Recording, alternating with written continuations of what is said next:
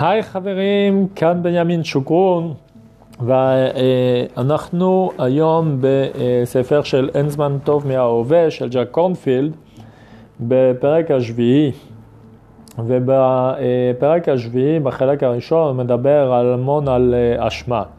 כלומר, אנחנו לוקחים על עצמנו, מאשימים את הסביבה על כל מה שקורה לנו. אנחנו אה, מאשימים את עצמנו על כל מה שקורה לנו ולמה זה לא, אנחנו מתקדמים. ואם אה, אנחנו לא עושים את זה ואנחנו לא בסביבה שמאפשרת לעשות לנו את זה, אז אנחנו עם עצמנו. וכשאנחנו בבדידות עם עצמנו, אנחנו לא רוצים גם להתמודד עם מה שקורה בפנינו.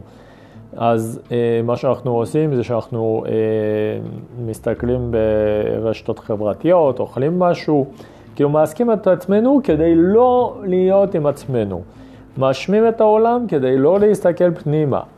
כלומר, אנחנו כל הזמן אה, נמצאים במצב כזה של אה, לחפש, להאשים את העולם, לעשות משהו בחוץ כדי לא להסתכל פנימה.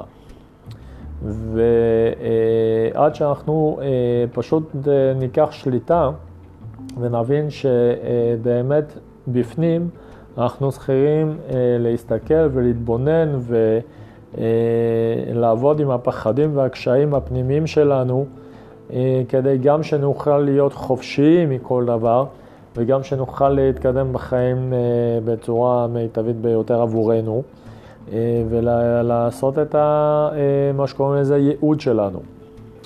אז אה, התובנה פה היא אה, גם בבדידות, פשוט לעשות תהליכים פנימיים ולהבין עם עצמנו אה, מה קורה אצלנו בגוף שלנו, במחשבות שלנו, ברגשות שלנו, כדי שנוכל לתת את המיטב מעצמנו לעולם הזה ולעצמנו כמובן. כי כשאנחנו עובדים על עצמנו ואנחנו עושים את העבודה שמנקה את כל הפחדים, קשיים, אה, האשמות, אה, והכל, אז אנחנו הופכים להיות חופשיים, אה, לחיות את החיים במלוא הפוטנציאל שלהם.